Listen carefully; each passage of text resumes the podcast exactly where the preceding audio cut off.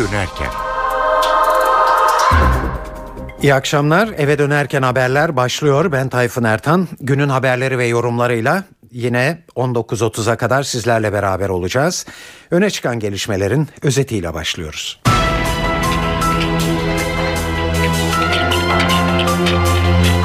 Başbakan Erdoğan İmralı'da Abdullah Öcalan'la ikinci görüşmenin bu hafta ya da gelecek hafta yapılabileceğini söyledi.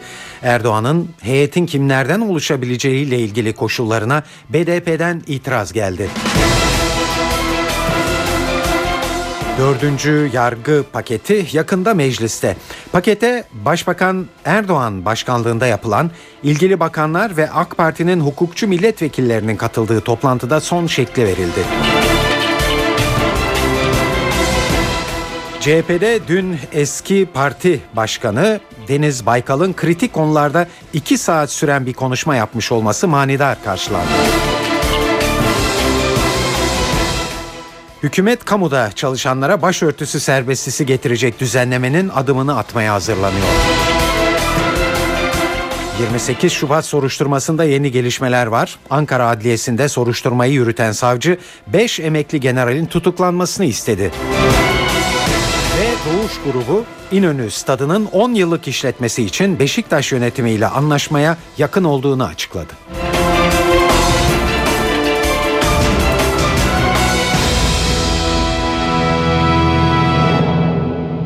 Şimdi ayrıntılar. İmralı'ya gidecek BDP heyetinde kimlerin yer alacağı ve ziyaretin ne zaman gerçekleşeceği uzun bir zamandır belirsiz bir nitelik taşıyor. Her gün size bu konuda haberler getiriyoruz. Sonunda Başbakan Erdoğan konuya açıklık getirdi. Heyetin bu hafta ya da önümüzdeki hafta adaya gidebileceğini söyledi. Başbakan heyetin kimlerden oluşabileceğinin ilkelerini de tanımladı. Olabilir. Bu hafta içinde olabilir. İlgili arkadaşlarım çalışmalarını yapıyorlar. Yani bu hafta içinde olabilirse bu hafta içinde olmazsa önümüzdeki hafta içinde olur ama olacak. Şimdi bu konuda işte Adalet Bakanlığımıza henüz e, bir müracaat söz konusu değil. O müracaatlar yapılacak. İlkelerimizi ortaya koyduk. O ilkelerimiz çerçevesi içinde uygun olanlardan iki veya üç kişi adaya gönderilebilir. Barış ve Demokrasi Partisi ise İmralı heyetinde milletvekilleri arasında ayrım yapılmaması konusunda ısrarcı. Konu bugün Barış ve Demokrasi Partisi Merkez Yönetim Kurulu'nda ele alındı ve hükümetin getirdiği kriterler eleştirildi. Yapılan açıklamada süreçle ilgili olarak iki eş başkanın yetkili olduğu hatırlatıldı ve hükümetin süreci devam ettirmek istemediği ve bunun sorumluluğunu da BDP'ye yüklemeye çalıştığı ileri sürüldü.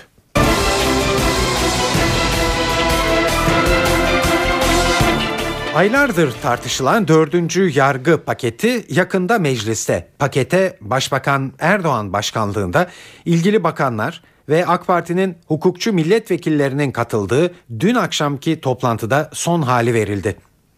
Peki bu 22 maddelik pakette ne gibi düzenlemeler var? Bunları Ankara muhabirlerimizden Ercan Gürses anlatıyor.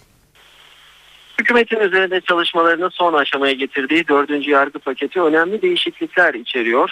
Bu yargı paketinin içerisinde ceza kanununun örgüt propagandasını düzenleyen maddede değişiklik yapılıyor.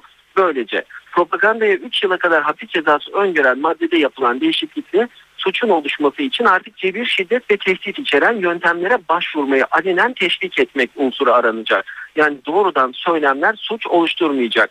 Şiddet yoksa suçta yok ilkesi benimsenecek. Terörle mücadele kanununda da değişiklik yapılacak. Terör örgütlerinin bildiri ve açıklamalarını basanlara ve yayınlayanlara 5 milyon liradan 10 milyon liraya kadar ağır para cezası öngörülürken bu değiştirilecek. Artık böyle suçlar terörü teşvik etmedikçe, şiddeti teşvik etmedikçe suç olmayacak. Böylece KCK tutuklarına tahliye yolunun da açıldığı belirtilebilir. Pakette yer alan diğer bazı değişiklikler de şöyle. işkence ve kötü muamele suçlarında zaman aşımı kaldırılacak. Ceza kanununda suçu ve suçluyu övmeye dönük düzenlemeler yumuşatılacak. Halka askerlikten soğutma suçuna verilen hapis cezası adli para cezasına dönüştürülecek. Adli yardımdan yararlanma koşulları kolaylaştırılacak. Adli yardım talebi reddedilenler karara itiraz edebilecek. İstenirse duruşmalı inceleme yapılacak. 3,5 ayda tamamlanamayan kamulaştırma işlemlerinde hak sahibine yasal faiz ödemesi olanağı getirilecek. paket üzerinde son rötuşlar yapılıyor. Önümüzdeki ilk Bakanlar Kurulu toplantısında paketin bakanların imzasına açılması daha sonra da meclise tek sürecinin başlatılması bekleniyor. Ercan Gürses NTV Radyo Ankara. Adalet Bakanı Sadullah Ergin de 4. yargı reform paketinin şiddeti teşvik etmeyen düşüncenin tamamen serbest bırakılmasını amaçladığını söyledi. Yapılan şey şu çok açık. Çalışma hazırlanırken somut olgulardan hareket edilmedi. Sadece elimizdeki Avrupa İnsan Hakları Mahkemesi'nin verilerine bakıldı. Türkiye'nin İnsan Hakları Mahkemesi'ndeki olumsuz tablosu ve bunun hakikaten 75 milyonluk bir ülkede bizim insanımızın layık olmadığı bir tablo olduğunu kabul ediyoruz. Türkiye'de düşünce özgürlüğünün önünü açmak, yargılamalarda silahların eşitliği ilkesini tesis etmek ve Türkiye'nin hukuk devleti olması yolunda bize önemli kazanımlar sağlayacak e, düzenlemeler hazırlandı. Somut e, olgulardan yola çıkmadık derken şunu kastediyorum. İşte cezaevinde olan falanca için, filanca için özel bir düzenleme sahikiyle yola çıkılmadı. Genel itibariyle Türkiye'nin öteden beri sıkıntısını çektiği hadiselerdir bunlar. Bu anlamda hepimizin, hepinizin yaşadığı sıkıntılardır. Şu anda medya mensuplarının, yazarların, çizerlerin şikayet ettiği hususlarda bunun içerisinde kısmen söz konusu. Ee, inanıyorum ki redaksiyonlardan sonra imzaya açacağımız ve parlamentoya sevk edeceğimiz bu tasarı Türkiye'nin ihtiyacını duyduğu konularda bir rahatlama sağlayacaktır. Yani bir insan bir düşüncesini paylaştığında içerisinde şiddeti barındırmıyorsa, şiddeti telkin etmiyorsa ve bunu meşru gösterme çabası içerisinde değilse bu yazdığından ya da konuştuğundan dolayı mahkum olmalı mı? Bugün artık bunu savunabilmek mümkün değil. O açıdan getirilmeye çalışılan kriter üyesi olduğumuz Avrupa Konseyi'ne üye ülkelerin ve yargı yetkisini kabul ettiğimiz Avrupa İnsan Hakları Mahkemesi'nin savunduğu temel değerdir. Hatay'da Cilve Gözü sınır kapısında 14 kişinin yaşamını yitirdiği bombalı saldırıyla ilgili soruşturmada yeni gelişmeler var. 3 kişinin gerçekleştirdiği saldırı öncesinde bomba yüklü aracı sınır kapısına park eden bir kişinin Türkiye'ye girdiği belirlenmişti. Bölgedeki Mobesa kameralarını inceleyen polis şüphelinin bindiği aracın plakasını tespit etti. Soruşturmada gelinen son durumu Hatay'daki muhabirimiz Hasan Uylaş anlatıyor. Çilve Gözü sınır kapısında patlamanın yaraları sarılmaya çalışıyor. Bir taraftan da savcılık soruşturması devam ediyor. Güvenlik kameralarında patlamaya neden olan aracı gümrük kapısı girişine bıraktığı tespit edilen 3 kişinin eşkali büyük ölçüde belirlendi. Savcılık patlamanın, patlamadan kısa bir süre önce Türkiye tarafına girdiği tespit edilen e, bir kişi hakkında çalışmalarını sürdürüyor, tespitlerini sürdürüyor. Bu anlamda Cilve Gözü sınır kapısından bu kişiyi taksisini aldığı tespit edilen bir kişi de ifadesine başvuruldu. Bu kişi ifadesinde zanlının Arapça konuştuğunu ve Antakya'da indiğini savcılığa aktardı. Olayla ilgili olay yerince eleme ekipleri de çalışmalarını tamamladı. Şimdi patlamanın yaşandığı noktada onarım çalışmaları başladı. İlerleyen saatlerde de Cilve Gözü Gümrük Kapısı'nın yeniden insani amaçlı giriş çıkışlara açılmasını bekliyoruz. Diğer taraftan 26 yaralı vardı 11'i taburcu edilmişti. Bu yaralılardan 5'i Türk 15 kişinin ise hastanede tedavilerine devam ediliyor. Evet bu olay hakkında Başbakan ve Gümrük ve Ticaret Bakanı'ndan da bir açıklama geldi. Erdoğan hiçbir şey karşılıksız kalmaz diye konuştu. Tabii çok değişik şeyler var. Şu anda yapacağımız açıklamalar erken olabilir. Ama şu anda başta e, istihbarat teşkilatımız olmak üzere İçişleri Bakanlığımız, e, Emniyet İstihbarat, Milli İstihbarat müşterek bir çalışma içerisinde süreci takip ediyorlar. Biliyorsunuz oradaki e, kameralara e, takılmış olanlar var. Onların takibi devam ediyor. E, temennimiz odur ki en kısa zamanda e, bu sonuçlandırılır ve ona göre de resmi açıklamayı yaparız. İstiyoruz ki her şeyi yerli yerine oturtalım. Atmamız gereken adımları da ondan sonra atalım. Ama şunu bilmenizi istiyorum hiçbir şey karşılıksız kalmaz. Patlamanın ardından cilve gözünde güvenlik önlemleri arttırılıyor. Gümrük Bakanı Hayati Yazıcı bölgeye yeni bir araç tarama cihazı gönderildiğini söyledi. Oraya tamamen böyle patlayıcı madde ve ilk işlevini görecek seyyar araç içerisinde elektronik aygıtlarla donatılmış bir aracımız var İskenderun'da. Onu oraya kaydırdık. Yani dün hareket etti. O araç şimdi cilve gözünde. O arama kontrolü yapacak. Yani o önemli bir araç. Yanından geçen bütün araçların içinde var olanları denelsini çeken bir aygıt. Onu orada çalıştıracağız. Bundan sonrası için güvenlik endişeniz var mı? Ha, güvenlik önemli bir sorun. Güvenlik endişemiz var. Güvenlik yani bu kadar aktivitenin olduğu yerde her zaman güvenlik ön plandadır. O konuda bütün hassasiyetimizi sürdürürüz. Efendim hedefte Ulusal e, Suriye Ulusal Konseyi Başkanı'nın olduğu da iddialar arasında var mıdır size gelen böyle? E, çeşitli olasılıklı olabilir bilemiyorum. Yani bunun hedefi hedefi ama genel olarak şunu söylemek gerekir ki Türkiye'nin güvenliğine, Türkiye'nin e, duruşuna ve Türkiye'nin aktivitelerini baltalamaya yönelik e, bir eylem. Hani sıradan bir eylem olmadığı açık.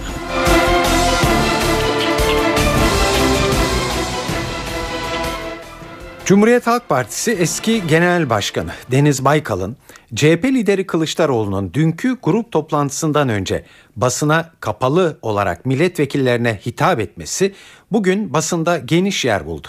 Zira Kılıçdaroğlu'nun Baykal konuşma yaparken salonda olmayışından tutun Süleyman Çelebi, Sezgin Tanrıkulu gibi bazı vekillerin Baykal konuşurken salonu terk etmesi gibi gelişmeler hem CHP'de hem de siyaset kulislerinde manidar karşılandı. Radikal Gazetesi Ankara temsilcisi Deniz Zeyrek'ten Baykal'ın dünkü açıklamalarını yorumlamasını istedik. Baykal e, zaten kendisi de konuşma öncesinde kuliste gazetecilerle sohbetinde neden sorusuna e, CHP içinde böyle bir görüntü var. Bunun olmadığını e, anlatmak için dedi. E, ama yani CHP'de böyle bir görüntü varsa e, bunu anlatmak ve bunu bu görüntüyü ortadan kaldırmak öncelikle genel başkanın görevidir. E, işte Haluk Bey'in sözcü olarak görevidir. E, diğer yöneticilerin görevidir. Sayın Baykal'ın bir e, ben şahsen öyle gözlemledim. Bir durumdan vazife çıkarma e, söz konusuydu dünkü bir buçuk saatlik konuşmada. Verdiği mesajlar da açıkçası genel başkanken aynı kürsüden genel başkan sıfatıyla yaptığı konuşmaların bir benzeriydi. Ee, birlik olalım ama nerede birlik olalım, hangi tarafta birlik olalım, işte özgürlükçü, e, sosyal demokrat vesaire bir alan açmaktan mı bahsetti, yeni bir açılım mı yaptı? Ben açıkçası konuşmasından öyle bir sonuç çıkaramadım. Daha çok e, bu milli duruş, ulusalcı duruş e, üzerinde daha e, dört elle sarılalım. E, AK Parti çünkü e, işte Türkiye'yi farklı bir yola kanalize ediyor gibi bir, bir mesaj verdi.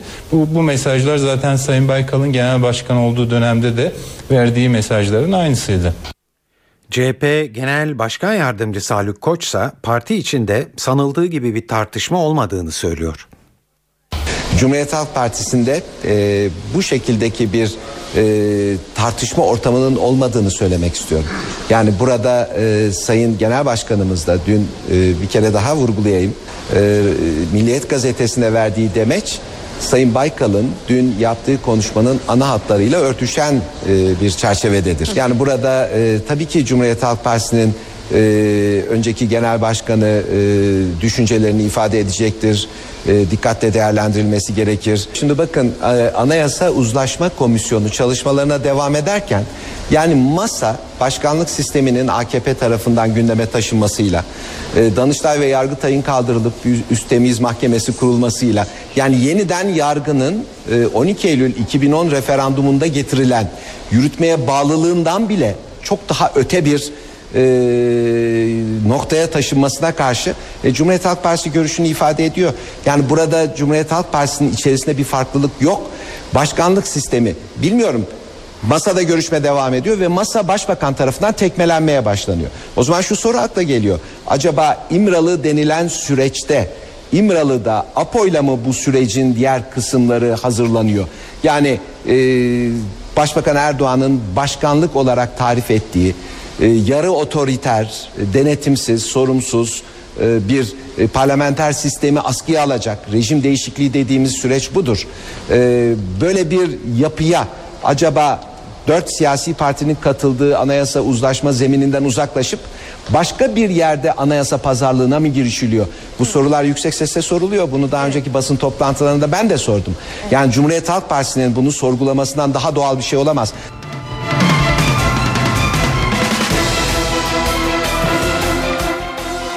28 Şubat soruşturmasında yeni gelişmeler var.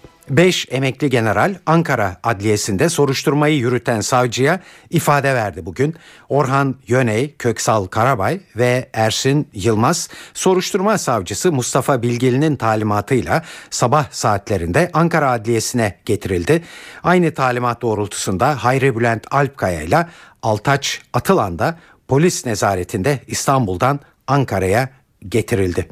Evet emekli generaller o dönem Batı Çalışma Grubu'nda yer alan Genelkurmay 2. Başkanı Çevik Bir Başkanlığında yapılan toplantılarda yer almakla suçlanıyor.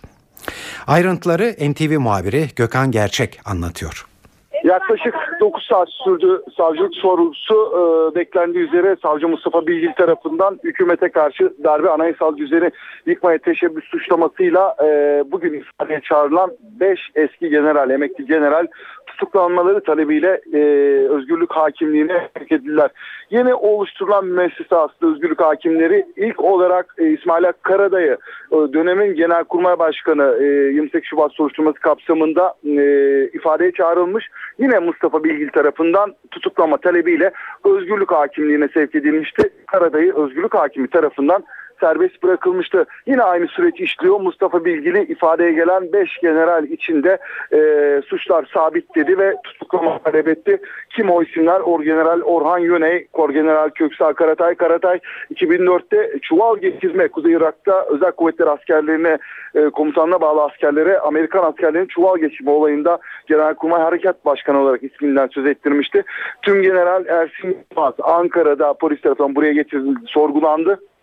İstanbul'dan gelen isimler de vardı. Eski Deniz Kuvvetleri Komutanı Oramiral Hayri Bülent Alpkaya e, ve Koramiral Altaç Atılan da e, sorgulandı. Son sorgu Atılan'a yapıldı. Yaklaşık 9 saat sorgunun ardından savcı bir karar için e, yaklaşık yarım saat ara verdi ve tüm şüphelilerin e, tutuklanmasını istedi. E, Bülent Altkaya ve Altaş Atlan oldukça önemli bir isim. Burada bir dip, dipnot tutmak gerekiyor herhalde. Özden örneğin darbe günlüklerinde de isimleri geçiyordu ama o dönem darbe karşı generaller olarak günlüklerde yer alıyordu. Hatta o günlüklerde e, Bülent Altkaya ve A, A, Altaş Atlan'ın e, darbenin ardından tutuklanması da isteniyordu. İşte o dönem darbe karşıtı olarak adlandırılan e, bu iki general de bugün e, darbe şüphelisi olarak tutuklanma talebiyle e, özgürlük hakimliğine sevk edildi. Son kararı özgürlük hakimliği verecek oldukça uzun bir süreç olacağını söyleyebiliriz. Bunun 5 ismin e, önce sorgu tutanaklarını okuyacak özgürlük hakimi ardından da tek tek bu isimler özgürlük hakiminin karşısına çıkacak.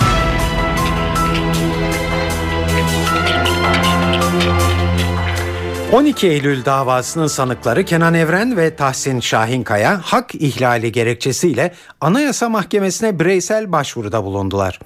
Yüksek Mahkemeye başvuru dilekçesinde Evren ve Şahinkaya'nın 12 Eylül 1980 ile 6 Aralık 1983 yılları arasında kanunun açıkça suç saydığı eylemlerinin bulunmadığı savunuldu. Türkiye Büyük Millet Meclisi'ni ortadan kaldırma suçunu işledikleri savıyla haklarında açılan kamu davasının hukuken yok hükmünde olduğunun tespiti için başvuruda bulundukları dile getirilen dilekçede bu başvurunun Ankara 12. Ağır Ceza Mahkemesi'nce reddedildiği belirtildi. Mahkemenin red kararıyla iç hukuk yollarının tükendiğini belirten Evren ve Şahinkaya bu yüzden bireysel başvuru hakkını kullandıklarını ifade ettiler.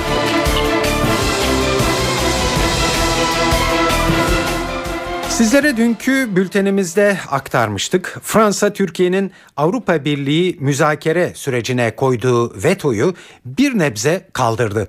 Geçen yıl iktidara gelen Hollande hükümeti Nicolas Sarkozy döneminde bloke edilen 5 başlıktan birinin bölgesel politikalar başlığının müzakereye açılması için harekete geçti. Ankara Fransa'nın attığı adımdan memnun Dışişleri Bakanı Ahmet Davutoğlu diğer fasılların da kademeli olarak açılmasını bekliyoruz diye konuştu. İnşallah 22. E, fasıl bölgesel politikalarla ilgili fasıldan başlamak üzere e, Fransa'nın e, blokajında olan diğer fasıllarında kademeli bir şekilde bütünle blokajın kaldırılacağı inancını taşıyoruz. Türkiye'nin Avrupa Birliği'ne girişinin sadece Avrupa Birliği'ne değil Türkiye ve Fransa ilişkilerine de büyük katkı sağlayacağı hususunu bugün ele aldık. E, inşallah önümüzdeki dönemde bu e, ilişki e, Türkiye Türk Fransız ilişkileri daha ileri düzeye daha iyi bir noktaya gelecek. Türkiye Avrupa ilişkilerinde de bir önemli engelin aşıldığını bugün itibariyle söyleyebiliriz. Fransa'nın attığı bu adım acaba Avrupa Birliği ile uzun süredir donmuş olan ilişkilere yeni bir ivme kazandırabilir mi? Avrupa Birliği uzmanı Can Baydarol, müzakere sürecinin kaderini sadece Fransa değil, Kıbrıs Rum kesimi ve özellikle Almanya'nın da izleyeceği politikalar belirler diyor. Sarkozy döneminde e, malum beş başlık e, bunlar ancak tam üyelik müzakeresi içinde yapılabilecek müzakerelerdir gerekçesiyle Sarkozy tarafından bir anlamda veto edilen başlıklardı. E, şimdi tabii Hollanda dönemiyle beraber bu beş başlıktan bir tanesinin askıdan indirilmiş olması bir anlamda Fransa'nın artık tam üyelik noktasındaki vetosunu ortadan kaldırdığı anlamına gelebilecek kuvvetli bir mesajdır. Ama aynı zamanda herhalde bunu sadece Fransa veto etmiyordu bizim malum. Bir de öteki tarafta Kıbrıs Rum kesiminin de e, gümrük birliğine bağlı olarak veto etmiş olduğu e, ayrıca bir sekiz başlık vardı.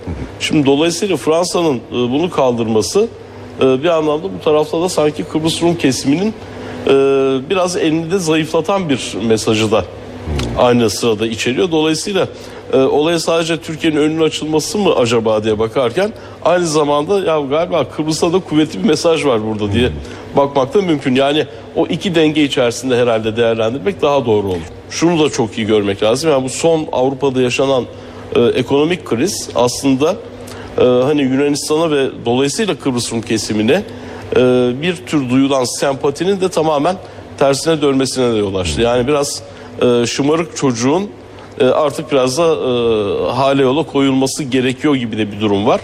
Ama tabii e, Hollanda'dan gelen yani Fransa tarafından gelen bu mesajın sadece Fransa ile sınırlı olmasını pek e, düşünmemek lazım. E, Almanya cephesine de bakmak lazım. Dolayısıyla e, önümüzdeki günlerde Türkiye'ye gelecek olan Merkel'in Ankara ziyareti de şimdi bence biraz daha da önem kazanıyor.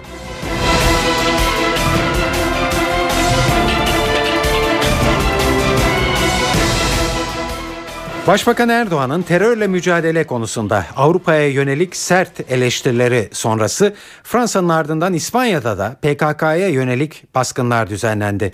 İspanya İçişleri Bakanlığı Kapadokya adı verilen operasyonda PKK'ya finans ve lojistik destek veren 6 kişinin gözaltına alındığını duyurdu. Aramada 28 bin euro ve iki silah ele geçirildiği açıklandı. Fransa'da da dün PKK'ya yönelik operasyonda 15 kişi gözaltına alınmıştı.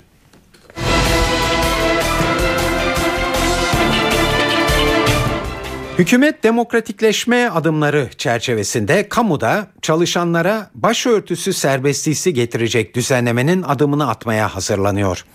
Avrupa Birliği Bakanı Egemen Bağış, Başbakan Erdoğan'a konuyla ilgili rapor verdi. Raporda Avrupa Birliği ülkelerindeki uygulamalara yer veriliyor ve Türkiye'de 1982 yılında getirilen yasağın birçok ülkede örneğinin bulunmadığı sadece Fransa'da Türkiye'dekine benzer bir yasak olduğu belirtiliyor. Egemen Bağış Bakanlar Kurulu'nda yaptığı sunumda kamuda başörtüsü serbestisi için yasal düzenleme değil yönetmelik hazırlandığına da vurgu yaptı. Fenerbahçe UEFA Avrupa Ligi ikinci turunda karşılaşacağı Bate Barisov için hazırlıklarına ara vermeden devam ediyor. Fenerbahçe'de gözler bir yandan da UEFA Tahkim Kurulu'nun vereceği karara çevrildi. UEFA Disiplin Kurulu grup maçlarında yaşanan olaylar nedeniyle Sarı Lacivertlere bir maç seyircisiz oynama cezası vermişti. Karara itiraz eden Fenerbahçe'nin başvurusu UEFA Tahkim Kurulu'nda yarın değerlendirilecek. Toplantıdan çıkacak karar Sarı Lacivertlerin Bate Barisov'la Şükrü Saracoğlu stadında oynayacağı maçın akıbetini belirleyecek. Fenerbahçe yöneticisi Ömer Temelli cezanın kaldırılmasının zor olduğu görüşünde ve taraftarın bundan sonra daha dikkatli olması gerektiğini söylüyor.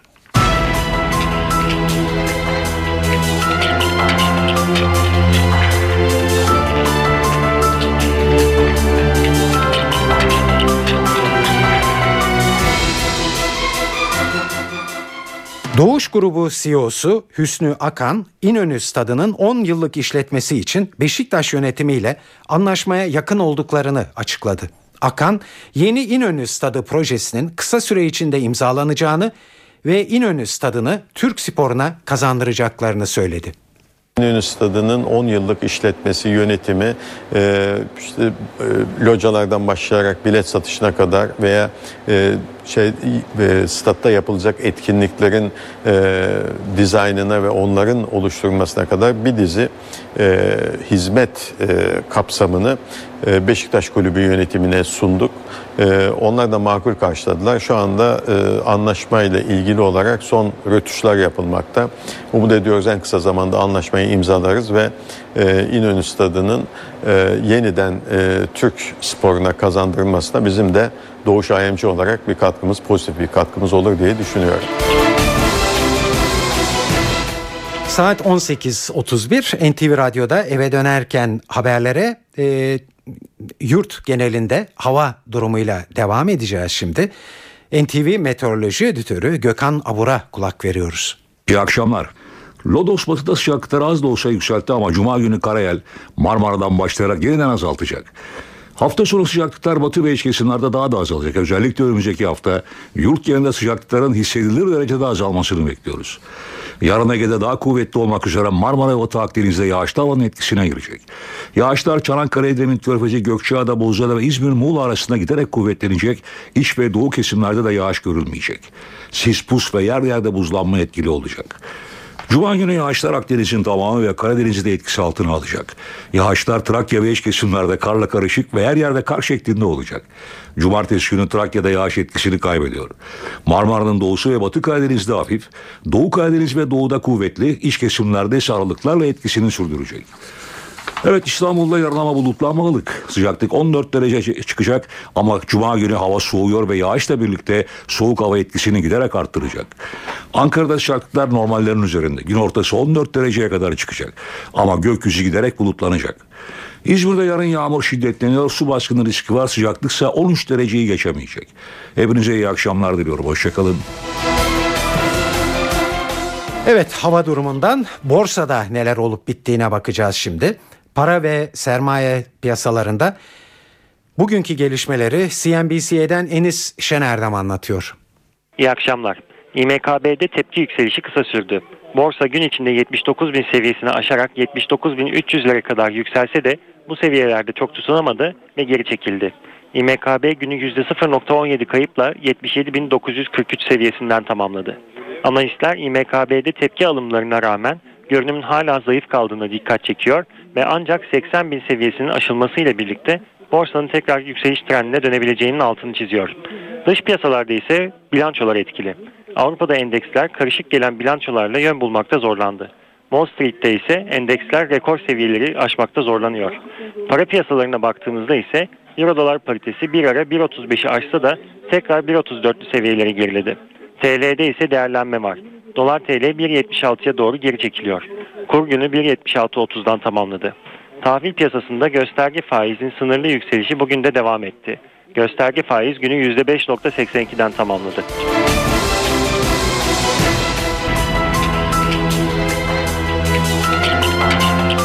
Size e, günün gelişmelerini özetleyerek e, başlayacağız bu bölüme de. E, Başbakan Erdoğan İmralı'da Abdullah Öcalan'la ikinci görüşmenin bu hafta ya da gelecek hafta yapılabileceğini söyledi. Erdoğan'ın heyetin kimlerden oluşabileceği ile ilgili koşullarına Barış ve Demokrasi Partisi'nden itiraz geldi.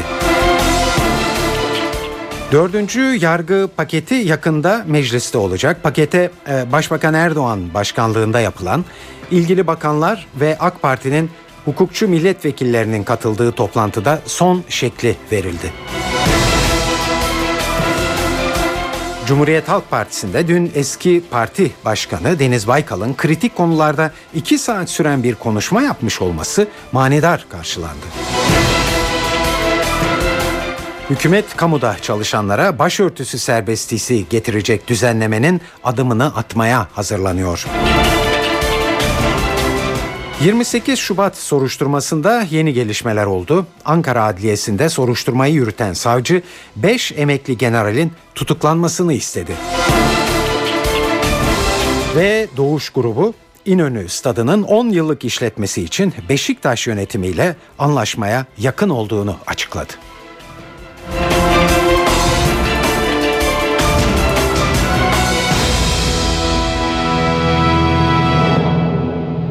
Evet bunlar e, Türkiye'den e, gelişmelerdi. E, şimdi dünyada en çok konuşulan haberlerle devam edeceğiz yayınımıza.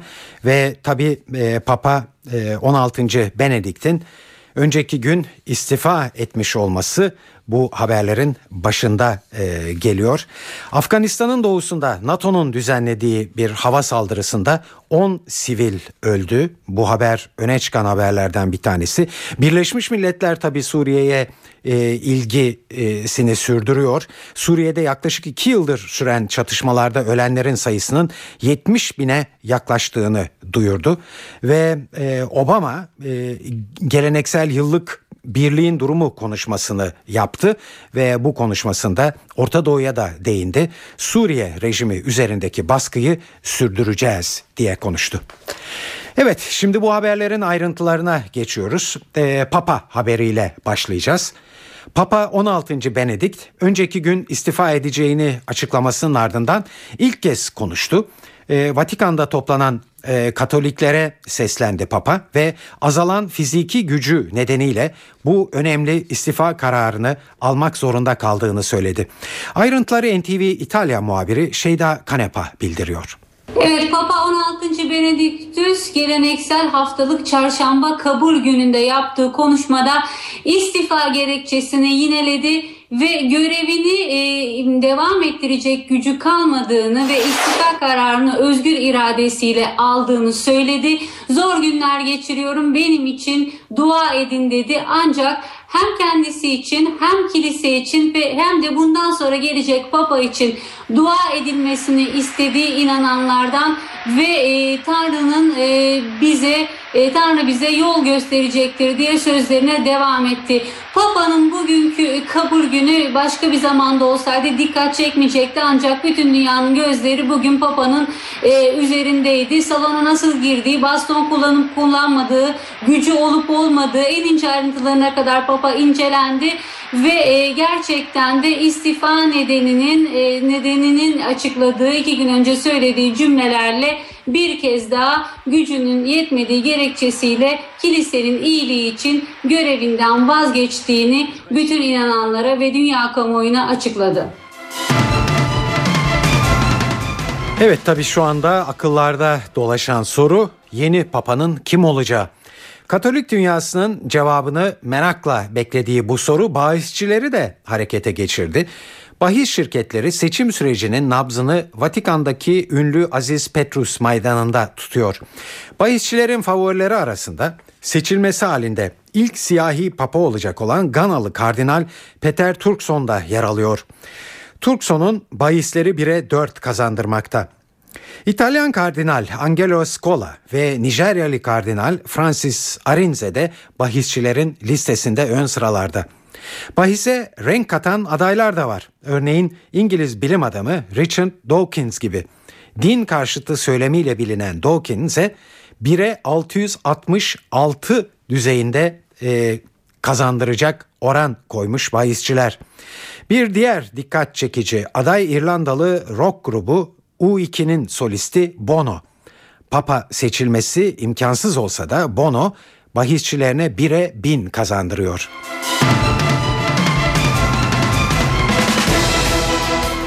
Afganistan'ın doğusunda NATO'nun düzenlediği hava saldırısında 10 sivil hayatını kaybetti. Ölenlerden 5'i çocuk. NATO'nun Kunar eyaletinde gerçekleştirdiği hava saldırısında 4 Taliban militanının da öldüğü belirtiliyor. NATO'dan Kunar'da hava operasyonu yapıldığını e, doğrulayan bir açıklama geldi ancak sivil kayıplar hakkında bilgi verilmedi. Birleşmiş Milletler Suriye'de yaklaşık 2 yıldır devam eden çatışmalarda ölenlerin sayısının 70 bine yaklaştığını duyurdu.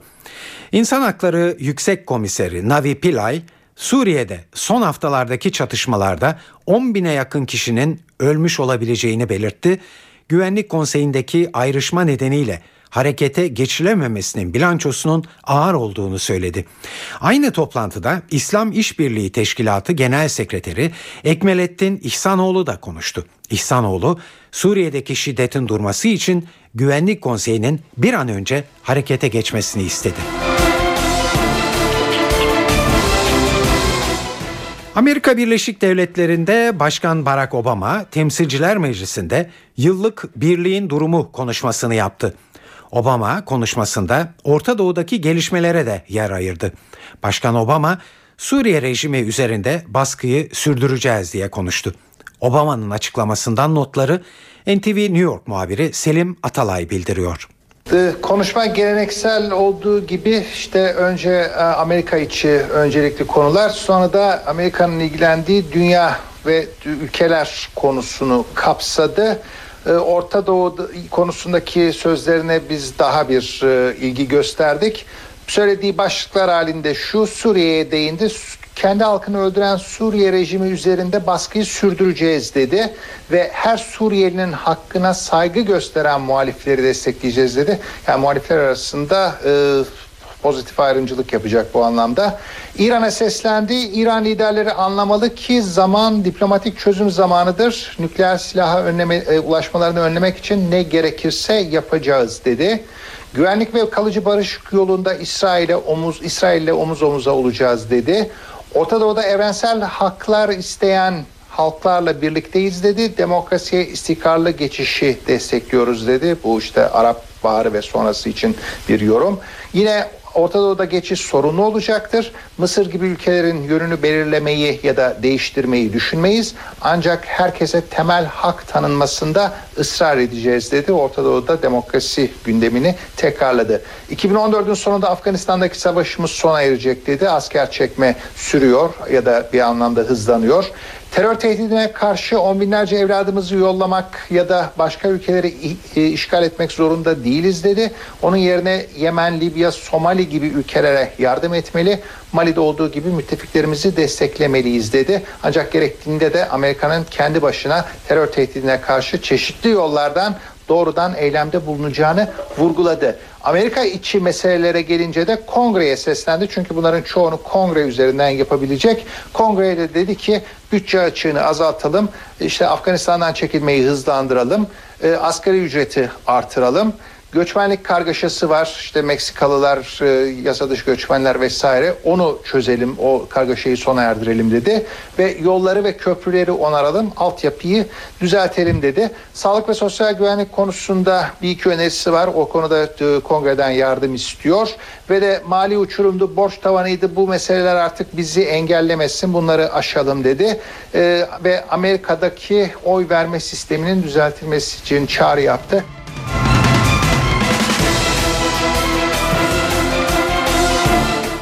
Yeni Zelanda'da 3 yıl önce kalp krizinden hayatını kaybeden bir kadının ölümüne gazlı içeceklerin sebep olduğu ortaya çıkartıldı. Böylece bugüne kadar sorumluluk kabul etmeyen gazlı ve şekerli içecek şirketlerinin ürünlerinin üzerine uyarı koyması konusu da gündeme geldi oturdu. 30 yaşındaki kadının bu içeceklerden günde 10 litre tükettiği biliniyordu. Yeni sonuçlanan tetkikler genç kadının güvenli şeker miktarının 11 katına, kafein limitinin de 2 katına maruz kalarak kalp krizi geçirdiğini gösterdi. Kadının hayattayken içecekten uzak durduğu zamanlarda yoksunluk nöbeti geçirdiği ve çürükler nedeniyle de tüm dişlerini kaybettiği biliniyordu. Olayı araştıran doktorlar firmaların ürünlerini aşırı miktarda tüketenlerin ölümünden sorumlu tutulmasının zor olduğunu belirtiyor. Ancak gazlı ve şekerli meşrubat firmalarının bundan böyle ürünlerinin üzerinde aşırı tüketimin risk taşıdığı yolunda bir uyarı koyması tavsiye ediliyor.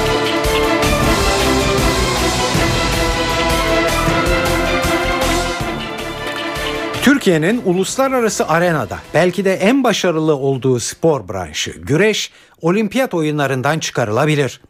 Uluslararası Olimpiyat Komitesi'nden gelen bu öneri Eylül ayındaki toplantıda kabul görürse Türkiye'ye bugüne kadar en fazla madalya kazandıran güreş 2020 olimpiyatlarında yer almayacak. Komite sözcüsü Mark Adams, güreşin 2020 olimpiyatlarında yer alması için diğer 7 spor dalıyla yarışacağını açıkladı. The executive board recommended that wrestling governed by the International Federation İcra Kurulu güreşin ana spor dalları listesine dahil edilmemesini tavsiye etti. Güreş 2020 olimpiyatları için 7 spor dalı ile yarışacak. Bu son karar değil.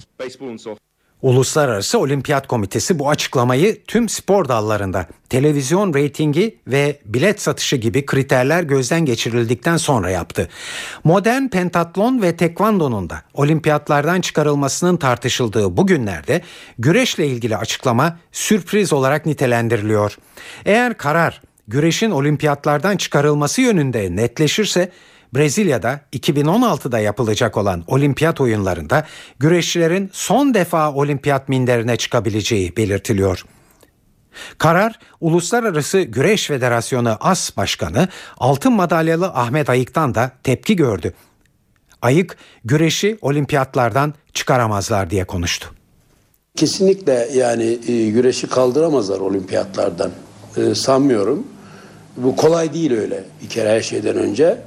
Olimpiyatların bugüne kadar en eski spor dallarından birisi atletizmle güreş. Atletizmle güreş en eski spor dallarından bir tanesi. O nedenle öyle kolay kaldıramazlar güreşi. Yani o çok zor bir olay. Ee, burada bu kadar şu, şu anda güreşin e, dünyada 175 ülke üyesi var. Yani federasyon filaya bağlı, filada kayıtlı, filaya üye olmuş 175 tane ülke var. Ya bunların hepsi sarfı nazar edecek de efendim ondan sonra kalkacak. Ya böyle bir şey olmaz.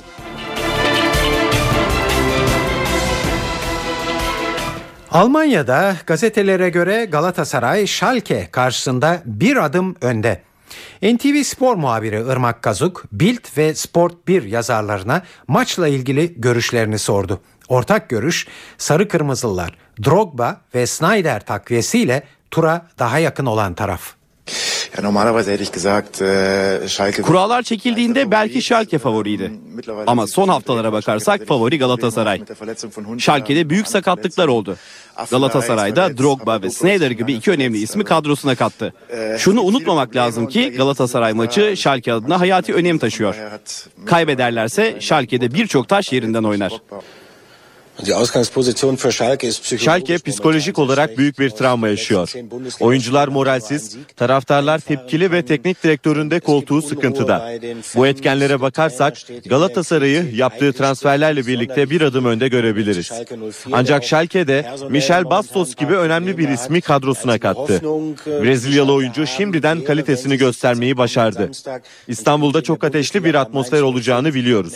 Zaten psikolojik olarak da sıkıntıda olan Schalke Türkiye'li futbolcuların atmosfere nasıl tepki vereceği büyük önem taşıyor.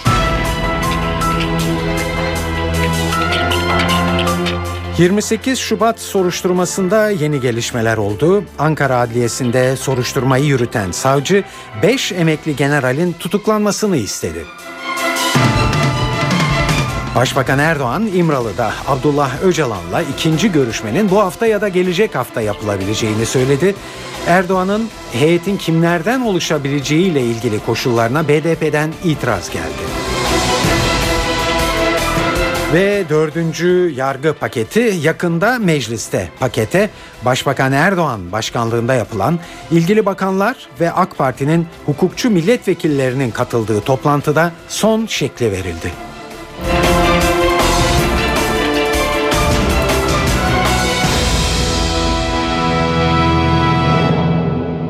Şimdi bu haberlerin ayrıntılarına geçiyoruz. 28 Şubat soruşturmasında yeni gelişmeler var. 5 emekli general Ankara Adliyesi'nde soruşturmayı yürüten savcıya ifade verdi bugün. Bunlar Orhan Yöney, Köksal Karabay ve Ersin Yılmaz'dı. Soruşturma savcısı Mustafa Bilgeli'nin talimatıyla sabah saatlerinde Ankara Adliyesi'ne getirildiler. Aynı talimat doğrultusunda Hayri Bülent Alpkaya ile Aytaç Atılan da yine polis nezaretinde İstanbul'dan Ankara'ya götürüldü.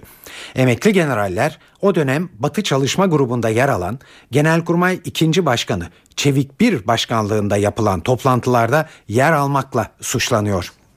Ayrıntıları NTV muhabiri Gökhan Gerçek anlatıyor.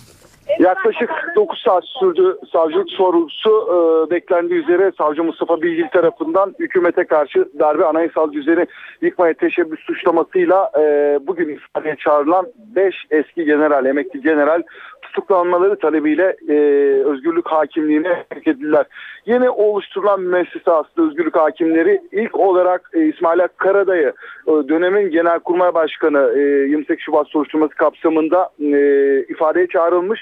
Yine Mustafa Bilgil tarafından tutuklama talebiyle özgürlük hakimliğine sevk edilmişti. Karadayı özgürlük hakimi tarafından serbest bırakılmıştı. Yine aynı süreç işliyor. Mustafa Bilgili ifadeye gelen 5 general içinde e, suçlar sabit dedi ve tutuklama talep etti. Kim o isimler? Orgeneral Orhan Yöney, Korgeneral Köksal Karatay. Karatay 2004'te çuval geçirme Kuzey Irak'ta özel kuvvetler askerlerine e, komutanına bağlı askerlere Amerikan askerlerinin çuval geçirme olayında Genelkurmay Harekat Başkanı olarak isminden söz ettirmişti. Tüm General Ersin Yılmaz Ankara'da polis tarafından buraya getirildi, sorgulandı. İstanbul'dan gelen isimler de vardı. Eski Deniz Kuvvetleri Komutanı Oramiral Hayri Bülent Alpkaya e, ve Koramiral Altaç Atılan da e, sorgulandı. Son sorgu Atılan'a yapıldı. Yaklaşık 9 saat sorgunun ardından savcı bir karar için e, yaklaşık yarım saat ara verdi ve tüm şüphelilerin e, tutuklanmasını istedi. E, Bülent Alpkaya ve Altaş Atlan oldukça önemli bir isim. Burada bir dip, dipnot tutmak gerekiyor herhalde. Özden örneğin darbe günlüklerinde de isimleri geçiyordu ama o dönem darbe karşı generaller olarak günlüklerde yer alıyordu. Hatta o günlüklerde e, Bülent Alpkaya ve A, A, Altaş Atlan'ın e, darbenin ardından tutuklanması da isteniyordu. İşte o dönem darbe karşıtı olarak adlandırılan e, bu iki general de bugün e, darbe şüphelisi olarak tutuklanma talebiyle e, özgürlük hakimliğine sevk edildi. Son kararı özgürlük hakimliği verecek oldukça uzun bir süreç olacağını söyleyebiliriz. Bunun 5 ismin e, önce sorgu tutanaklarını okuyacak özgürlük hakimi ardından da tek tek bu isimler özgürlük hakimin karşısına çıkacak. 12 Eylül davasının sanıkları Kenan Evren ve Tahsin Şahinkaya hak ihlali gerekçesiyle Anayasa Mahkemesi'ne bireysel başvuruda bulundular. Yüksek Mahkemeye başvuru dilekçesinde Evren ve Şahinkaya'nın 12 Eylül 1980 ile 6 Aralık 1983 yılları arasında kanunun açıkça suç saydığı eylemlerinin bulunmadığı savunuluyor. Türkiye Büyük Millet Meclisi'ni ortadan kaldırma suçunu işledikleri savıyla haklarında açılan kamu davasının hukuken yok hükmünde olduğunun tespiti için başvuruda bulundukları dile getirilen dilekçede bu başvurunun Ankara 12. Ağır Ceza Mahkemesi'nce reddedildiği belirtildi. Mahkemenin red kararıyla iç hukuk yollarının tükendiğini belirten Evren ve Şahinkaya bu yüzden bireysel başvuru hakkını kullandıklarını ifade ettiler. İmralı'ya gidecek BDP heyetinde kimlerin yer alacağı ve ziyaretin ne zaman gerçekleşeceği uzun bir süredir belirsizlik taşıyordu. Sonunda Başbakan Erdoğan konuya bir miktar açıklık getirdi. Heyetin bu hafta ya da önümüzdeki hafta adaya gidebileceğini söyledi. Olabilir. Bu hafta içinde olabilir. İlgili arkadaşlarım çalışmalarını yapıyorlar. Yani bu hafta içinde olabilirse bu hafta içinde olmazsa önümüzdeki hafta içinde olur ama olacak. Şimdi bu konuda işte Adalet Bakanlığımıza henüz e, bir müracaat söz konusu değil. O müracaatlar yapılacak. İlkelerimizi ortaya koyduk. O ilkelerimiz çerçevesi içinde uygun olanlardan iki veya üç kişi adaya gönderilebilir. Barış ve Demokrasi Partisi ise az önce e, Başbakan Erdoğan'ın sözünü ettiği e, kriterler, ilkelerle ilgili olarak İmralı heyetinde milletvekilleri arasında ayrım yapılmamasında ısrarcı davranıyor. Konu bugün e, partinin Merkez Yönetim Kurulu toplantısında ele alındı ve hükümetin kriterler getirmesi eleştirildi. Süreçle ilgili olarak iki eş başkanın yetkili olduğu belirtildi bu toplantıda ve hükümetin süreci devam ettirmek istemediği, bunun sorumluluğunu da BDP'ye yüklemeye çalıştığı ileri sürüldü.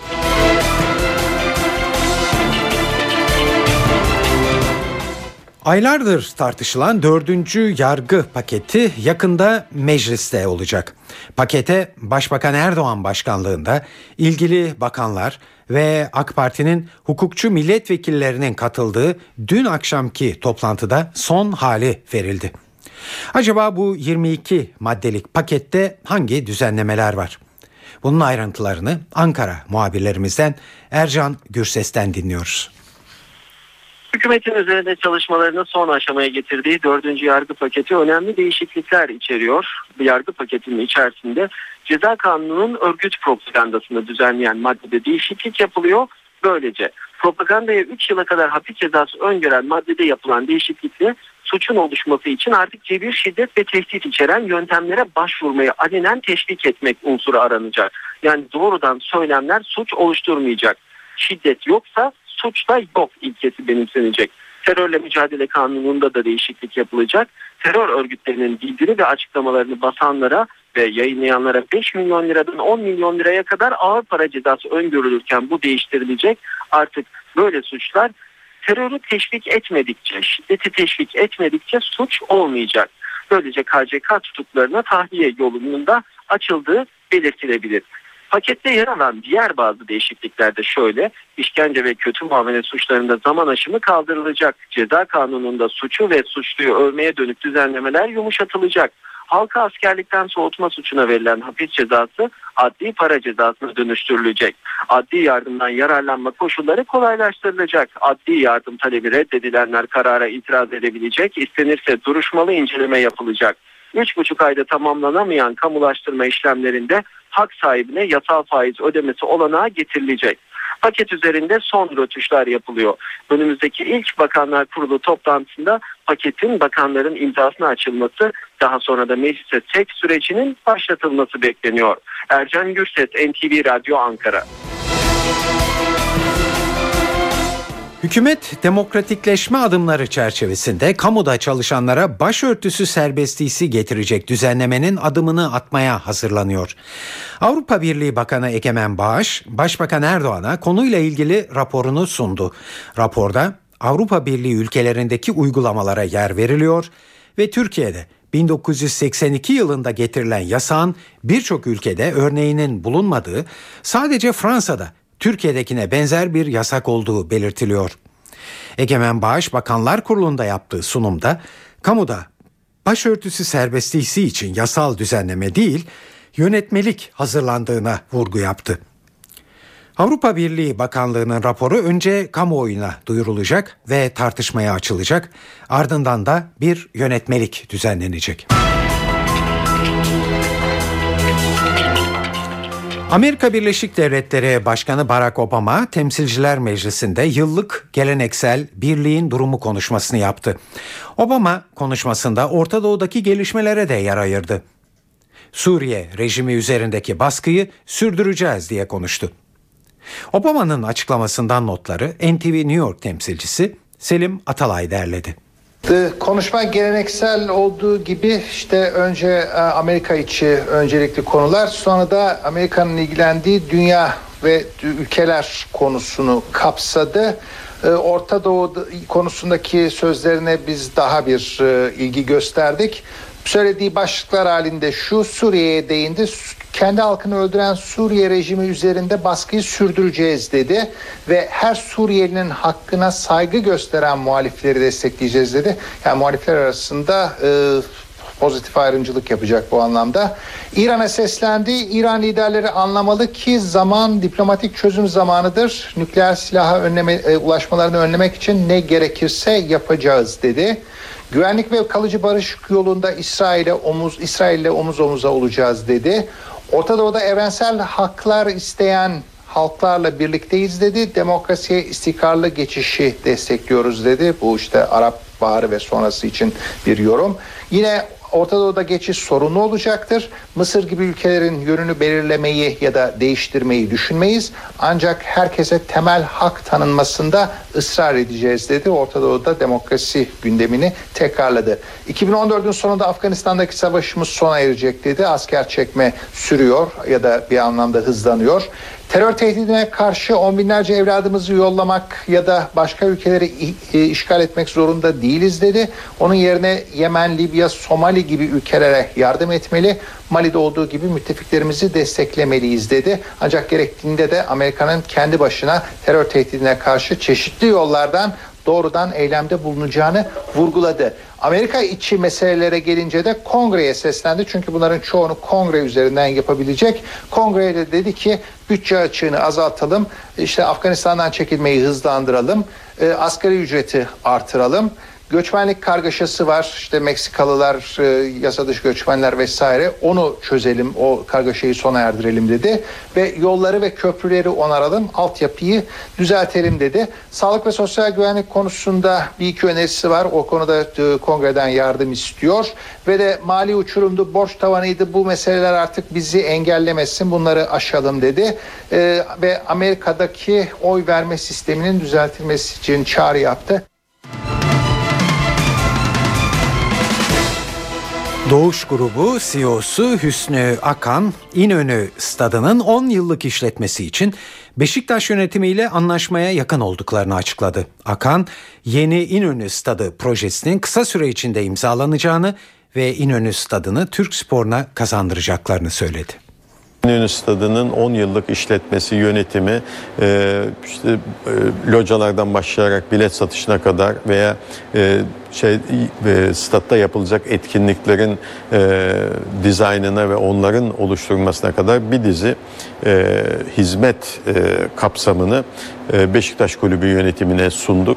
E, onlar da makul karşıladılar. Şu anda e, anlaşmayla ilgili olarak son rötuşlar yapılmakta. Umut ediyoruz en kısa zamanda anlaşmayı imzalarız ve İnönü Stadı'nın e, yeniden e, Türk sporuna kazandırılmasına bizim de Doğuş IMC olarak bir katkımız, pozitif bir katkımız olur diye düşünüyorum. Evet, geldik kültür ve sanat faaliyetlerinden derlediğimiz kısa haberleri.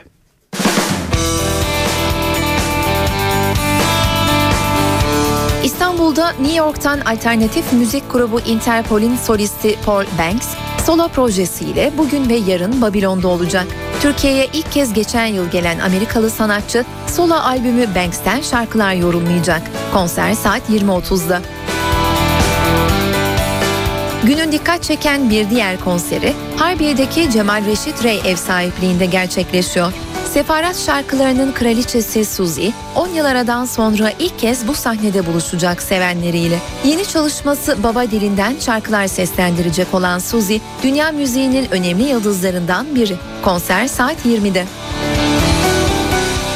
İş Sanat Kültür Merkezi'ndeki Almanya'nın gözde müzik grubu Die Deutsche Kammerphilharmonie Bremen'in konserini de unutmayın deriz.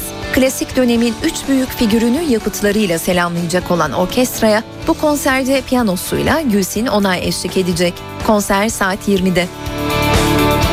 Caz konserine gitmek isteyenler için iyi bir seçenek bugün Nardis Jazz Club'ta. Piyanist Kürşat Deniz, Volkan Topakoğlu ve Hami Ünlü eşliğinde standartlar ve düzenlemelerden oluşan bir repertuar seslendirilecek konserde. Saat 21.30'da başlıyor.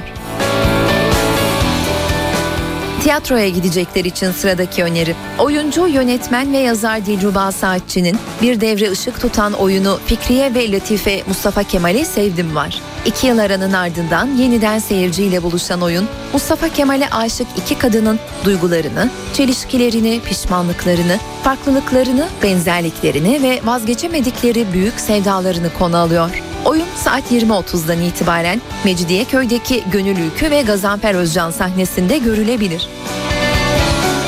Ve bir sergi önerisi. Koreli sanatçı Su Jeon-min'in Türkiye'deki ilk kişisel sergisi Sonsuza Dek Eternally, Nişantaşı'ndaki Galeri Linart'ta açıldı. Eserlerini 1500-1600 yıl öncesine dayanan dak adı verilen dut ağacından elde edilen geleneksel Kore kağıdı Hanji'yi kullanarak yapıyor sanatçı. Sergi 23 Mart'a kadar görülebilir. Başkente geçelim. 16. Ankara Uluslararası Caz Festivali devam ediyor. Festival kapsamında bugün Onur Aymergen Trio konser veriyor. Ankaralı gruba bu konserde usta müzisyen Cenk Erdoğan eşlik edecek. Festivalin bu yılki gitar teması için bir araya gelen ekibin konseri saat 20'de Başkent Üniversitesi İhsan Doğramacı Salonu'nda. Yılların eskitemediği ünlü şarkıcı Leman Sam da bugün Ankara'da. Rumcadan Fransızcaya 20 farklı dilde şarkı söyleyebilen Sam, ODTÜ Kültür ve Kongre Merkezi Kemal Kurdaş Salonu'nda verecek konserini. Geçen yıl Nereye Kadar albümüyle çıkış yapan Leman Sam, eski ve yeni şarkılarıyla bugün saat 20.30'dan itibaren sahnede. Birim Dans Tiyatrosu'nun sahneye taşıdığı Töre adlı dans tiyatrosu bugün Ankara Opera sahnesinde. Yazar Turgut Özakman'ın kaleme aldığı oyun 1900'lerde Erzurum'da Karagiller ve Çolakgiller aileleri arasında yıllardır süren kan davasını ve gelişen olayları konu alıyor. Törenin koreografi ve rejisi İhsan Bengiyer'e ait. Etkinliğin başlama saati 20. Ankara Devlet Tiyatrosu oyuncuları ise 33 Varyasyon adlı oyunla Akün sahnesinde seyirci karşısında bu akşam. Moze Kaufman'ın yazdığı oyunun merkezinde büyük bir sanatçı fırtınalı yaşamıyla resimlere, filmlere konu olmuş büyük bir müzisyen Beethoven var. İskender Altı'nın yönettiği oyun saat 20'de başlayacak. İzmir'e geçelim. Dostlar Tiyatrosu'nun Sivas 93 başlıklı belgesel niteliğindeki oyunu sahneleniyor bugün. Genco Erkal'ın sahneye koyduğu Fazıl Say'ın müziklerini yaptığı oyun saat 20.30'da Sabancı Kültür Sarayı Hasan Tahsin Salonu'nda. Antalya'da ikinci gitar festivali başladı. Festival programında bugün Bekir Küçükay'ın gitar resitali var. AKM Aspendos salonunda gerçekleşecek konser saat 20.30'da başlıyor. Adana'da Alfonso Pazzo'nun 40'ından sonra adlı eserinden Ali Hürol'un da sahneye taşıdığı oyun bugün Hacı Ömer Sabancı Kültür Merkezi Adana Devlet Tiyatrosu sahnesinde görülebilir. Oyunda iki kuşak var. İdeallerini, hayallerini çok çalışmak, para kazanmak üzerine kuran bir genç kuşak ve solmuş çiçeklerin kendine özgü kokuları olduğunu geç de olsa fark etmiş olan diğer kuşak. Aşk, romantizm ve komediyle örülü oyun saat 20'den itibaren sahnede. Akşam evdeyseniz absürt komedilere meyilli Cohen biraderlerin 2009 yapımı A Serious Man adlı filmini izleyebilirsiniz CNBC'de. Yönetmenlerin kendi hayatlarından da izler barındıran bu yarı otobiyografik film 60'ların sonlarında Orta Batı'da entelektüel bir Musevi cemaatinde geçiyor. Öncesinde ise saat 19'da Rizzoli and Isles, 20'de Sullivan and Son ve 21'de de The Newsroom adlı dizi ekrana gelecek. E2'de saat 23'te Family Guy, Star'da da saat 20'den itibaren Muhteşem Yüzyıl adlı dizi izlenebilir. Saat 23.15'te ise Eyvah Düşüyorum adlı yarışma programı başlayacak. Evet bu akşamki eve dönerken haberler e, burada sona eriyor. Bu yayının editörlüğünü Onur Koçaslan yaptı. Ben Tayfun Ertan. Hepinize iyi akşamlar diliyoruz. Hoşçakalın.